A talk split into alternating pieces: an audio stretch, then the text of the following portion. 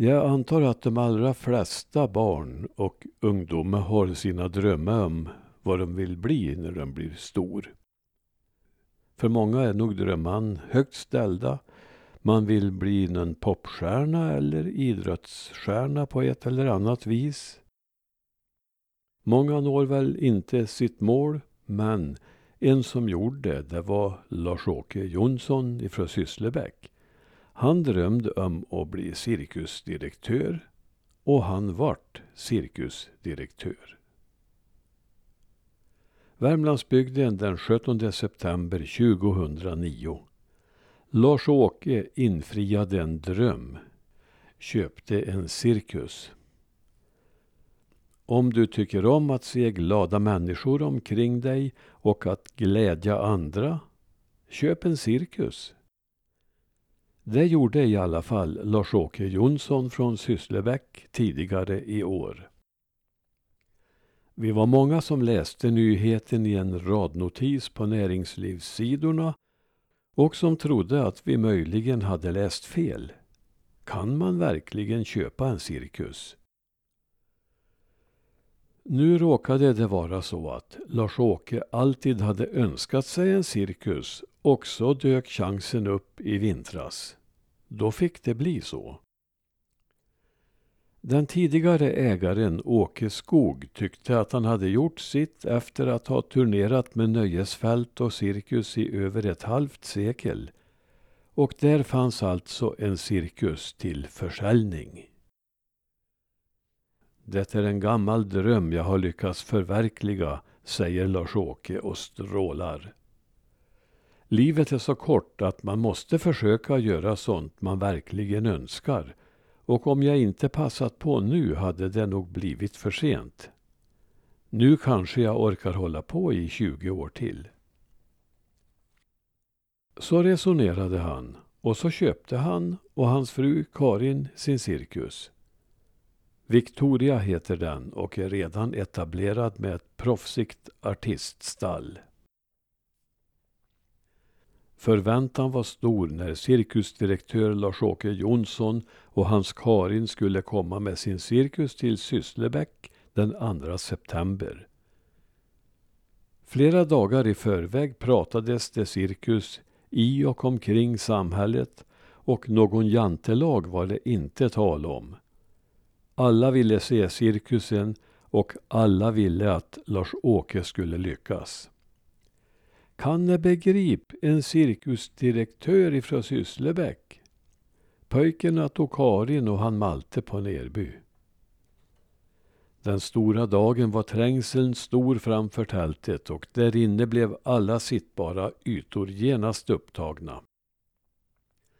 De flesta biljetterna var sålda i förväg.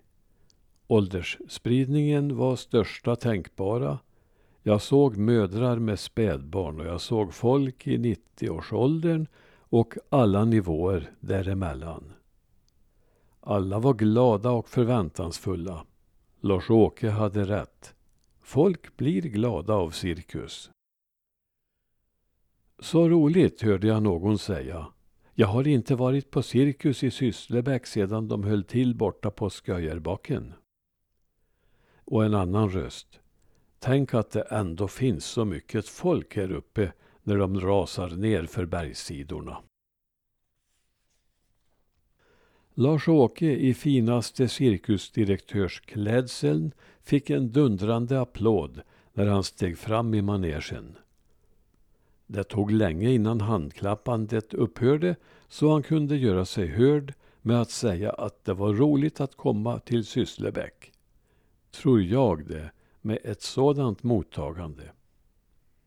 Och här kommer Lars-Åke hade lärt in den rätta betoningen i presentationen men bröt inte på tyska eller vad det nu är för språk många presentatörer bryter på.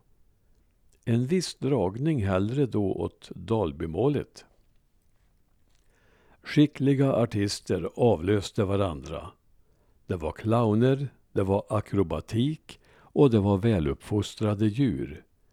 Jag förvånades kanske mest över att det gick att dressera katter och göra dem till lydiga redskap och cirkusartister. Själv har jag aldrig lyckats med att få en enda katt att lyda. Å andra sidan har jag inte heller klarat att svänga i vertikalrep eller göra akrobatik på räcke. Ett par cirkusnummer som också imponerade. Jag gav katterna en välförtjänt applåd och överraskade mig själv med att också sitta och applådera en get. Det var en ny erfarenhet i mitt liv men här fanns det getter som gjorde verkliga konster och sådant är värt beundran. Också de är djur som vet vad de vill. En vacker och farlig dam med piska snärtade skickligt med sitt redskap mot en man som hon uppträdde med och som tydligen behövde läxas upp. Pisksnärtarna göd ibland i omedelbar närhet av första parkett och jag med flera som saknade skyddsglasögon blundade för säkerhets skull när de kom för nära. Detta var en dam som kunde domptera och sätta en kar på plats. Jag hörde en mans röst i mörkret. Tur att man inte har en sån hemma. När föreställningen var över kom de verkliga applåderna. Mest för Lars-Åke och Karin.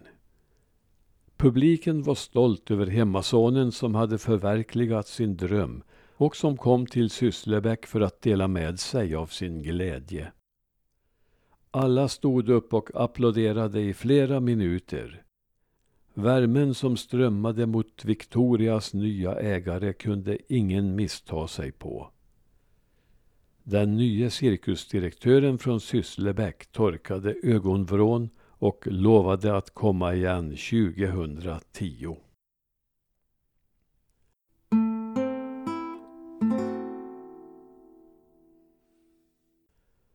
Där var artikeln slut.